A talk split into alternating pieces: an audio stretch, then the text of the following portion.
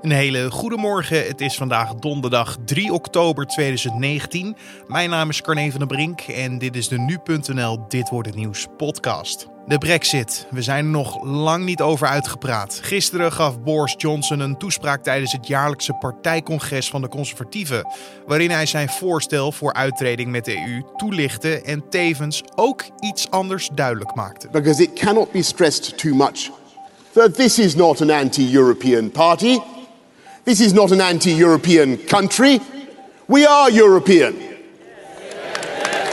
We love Europe. I love Europe anyway. I love it. Boris Johnson dus. Straks praten we over zijn voorstellen met buitenlandredacteur Matthijs Lelou. Maar eerst kijken we naar het belangrijkste nieuws van nu. Doordat de politie eerst mensen moest wegbezuinigen en vervolgens weer mensen moest aannemen, is de georganiseerde drugsmisdaad zo groot kunnen worden. Dat zegt korpschef Erik Akerboom van de Nationale Politie in een interview met de Volkskrant. Volgens Akerboom heeft de politie door het politieke op- en afbeleid geen goede inlichtingenrelaties kunnen opbouwen in de wijken. Daardoor konden jonge criminelen zich aan het zicht van de politie onttrekken. Akerboom pleit in het interview voor een stabieler politiek beleid. Zo zegt hij: Je kunt de rechtsstaat niet overeind houden en leiden zonder een constantere financiering van die rechtsstaat. Drie jaar geleden moest Akerboom bij zijn aanstelling nog 3000 man wegbezuinigen. Nu moet hij 1000 mensen aannemen. Volgens Akerboom wordt niet alleen de politie getroffen door de wispelturigheid van Den Haag, maar ook het Openbaar Ministerie en de rechterlijke macht. Het op- en afbeleid dat kan je doen met een bedrijf misschien, maar niet met de rechtsstaat. Al dus de korpschef. Zeker acht Nederlanders hebben meegevochten in de burgeroorlog in de Oekraïne.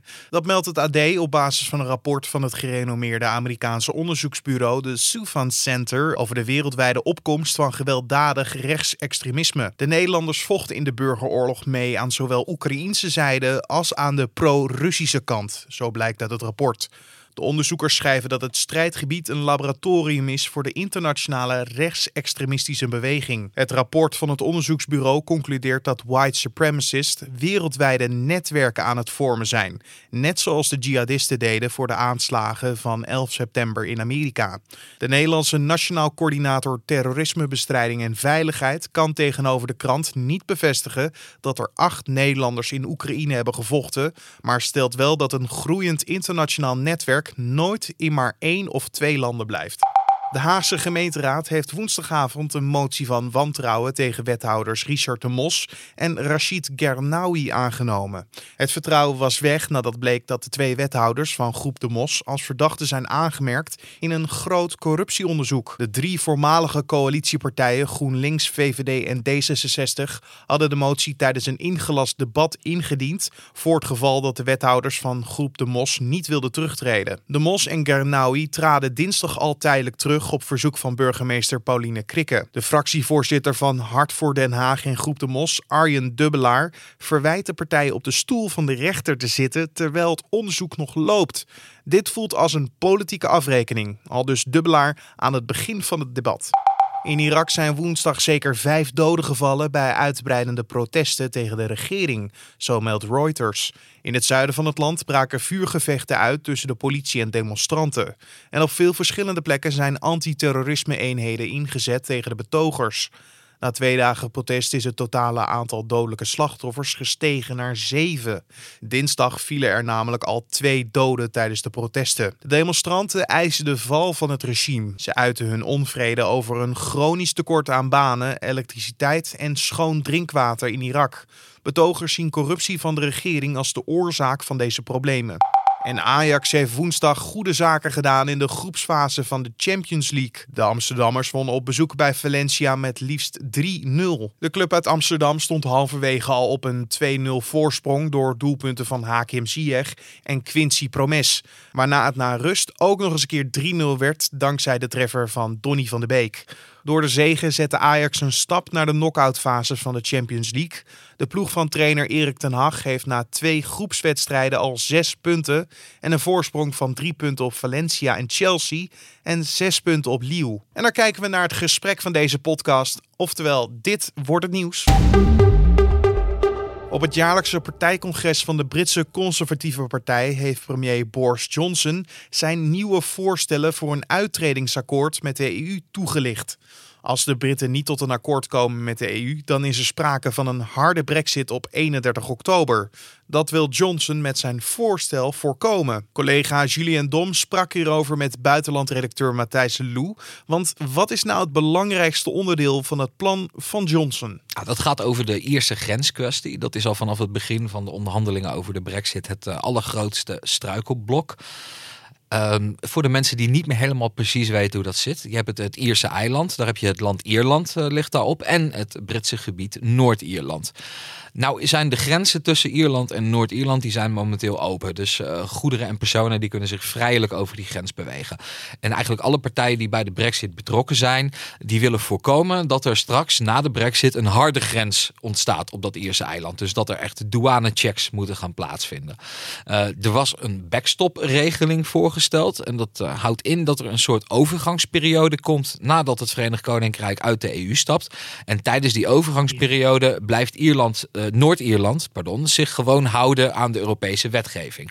Wat dus betekent hè, dat, dat, dat uh, de goederen niet extra ho hoeven te worden gecontroleerd, omdat die Europese wetten gewoon worden gerespecteerd. Precies, geen gedoe aan de grens. Klopt. Uh, in het voorstel dat de voorganger van Johnson, Theresa May, met de EU heeft onderhandeld, was het zo dat er een backstop-regeling zou komen. Dat wilde niet meer zeggen dan we weten nu eigenlijk niet hoe dat straks permanent geregeld moet worden op het Ierse eiland. Maar we tuigen daarom een soort overgangsperiode op. En uh, in die tijd kunnen we zoeken naar een passende oplossing. En dan kunnen het Verenigd Koninkrijk en de EU uh, in samenspraak besluiten om, om die overgangsperiode stop te zetten. Uh, nou, hoe het voorstel van Johnson nu verschilt met dat van zijn voorganger May, is dat Johnson die wil toch een soort van klok aan die overgangsperiode hangen. Hij zegt van nou, we, we stappen op 31 oktober, dat is de huidige Brexit deadline, stapt het Verenigd Koninkrijk stapt uit de Europese Unie, dus uit de Europese douane-Unie, uit de Europese interne markt. Maar Noord-Ierland krijgt een aparte status. Dat blijft zich na de uittreding vier jaar lang houden aan de Europese regelgeving. En daarmee wordt dan dat vrije verkeer van goederen en personen gegarandeerd tot 2025. En Johnson die wil ook het uh, Ierse parlement. En dat is een verschil met, zoals, je, zoals ik net zei. Uh, oorspronkelijk moesten zowel de EU als het Verenigd Koninkrijk zeggen van nou, nu is die transitieperiode wel klaar. We hebben een betere oplossing. Dat stuitte op veel weerstand in het Verenigd Koninkrijk. Brexit-voorstanders zeiden ja, dan zijn we dus eigenlijk toch alsnog gebonden aan, aan de grillen van Brussel. Ja. En Johnson die zegt van nou, hoe we dat dan gaan doen is we geven het Noord-Ierse parlement, dat heeft een eigen parlement, geven wij de bevoegdheid om te stemmen. Hè, om zelf te zeggen van nou, we willen nu uit die overgangsperiode. Dat is eigenlijk het voornaamste verschil. En de reactie van Brussel dan? Want uh, ja, ik kan me voorstellen dat zij hier ook even over na hebben gedacht toen ze deze tekst onder ogen kregen. Ja, het, uh, het zal uh, zeer druk zijn in Brussel op dit moment. Ze zijn daar nog druk bezig om dit, deze voorstellen van Johnson te verwerken. Maar er valt er wel te zeggen over de verwachte opstelling van de EU. Want dit voorstel van Johnson gaat over een aantal zogeheten rode lijnen van de EU heen. De Unie die is vanaf het begin van de onderhandeling heel duidelijk geweest. Hier willen we niet aan tornen.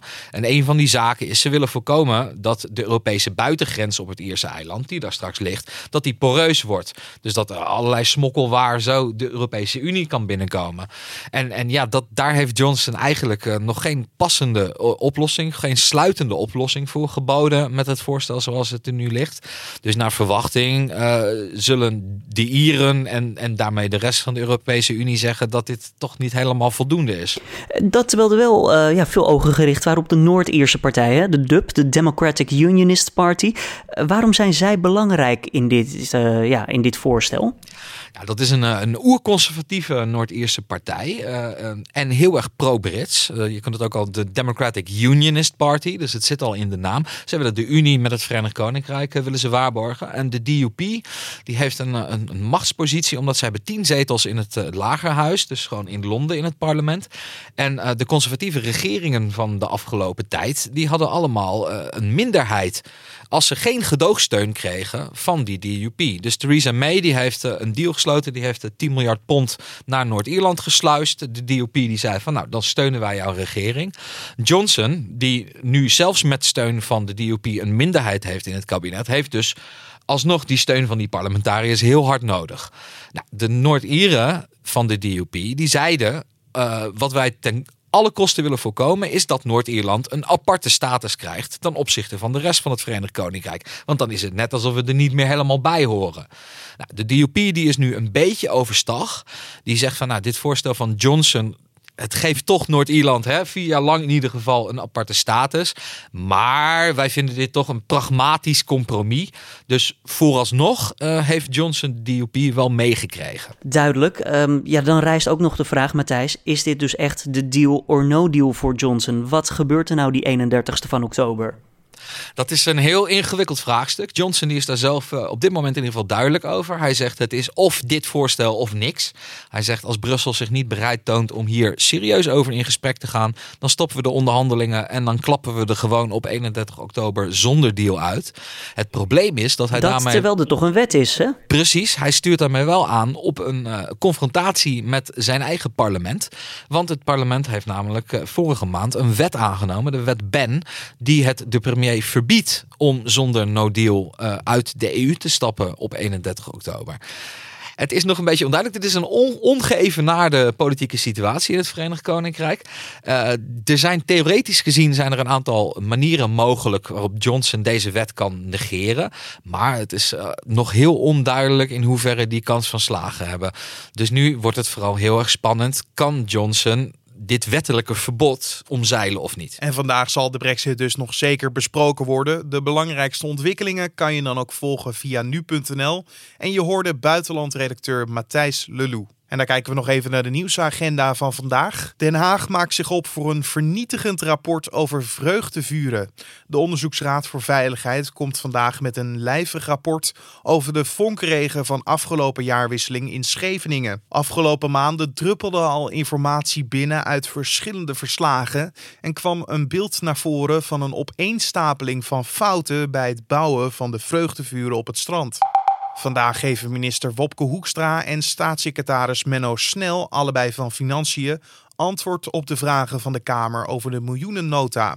Deze algemene financiële beschouwingen zijn de aftrap voor de begrotingsbehandeling voor 2020. Naast het beantwoorden van vragen debatteren Hoekstra en Snel met de fractievoorzitters en financiële woordvoerders van de partijen. En in de groepsfase van de Europa League komen vandaag drie Nederlandse voetbalclubs in actie. De op papier mooiste wedstrijd wordt gespeeld in Den Haag, waar AZ het opneemt tegen Manchester United.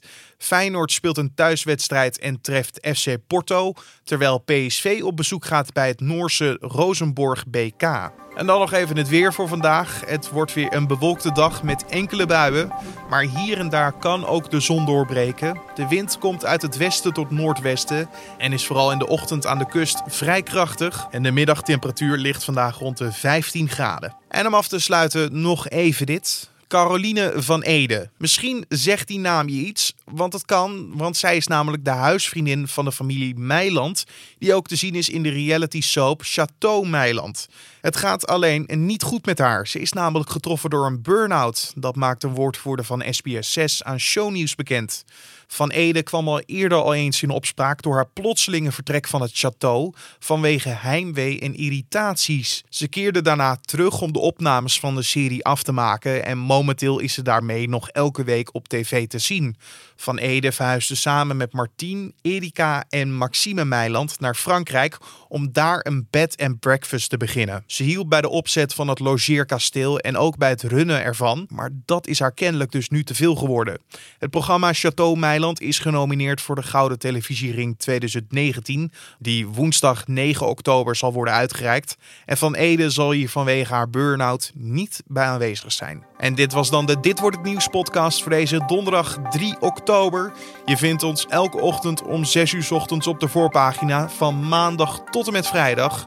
En je kan ons laten weten wat je van deze podcast vindt. Heel makkelijk door een recensie achter te laten in iTunes. Zo help je deze podcast ook namelijk beter te vinden voor anderen.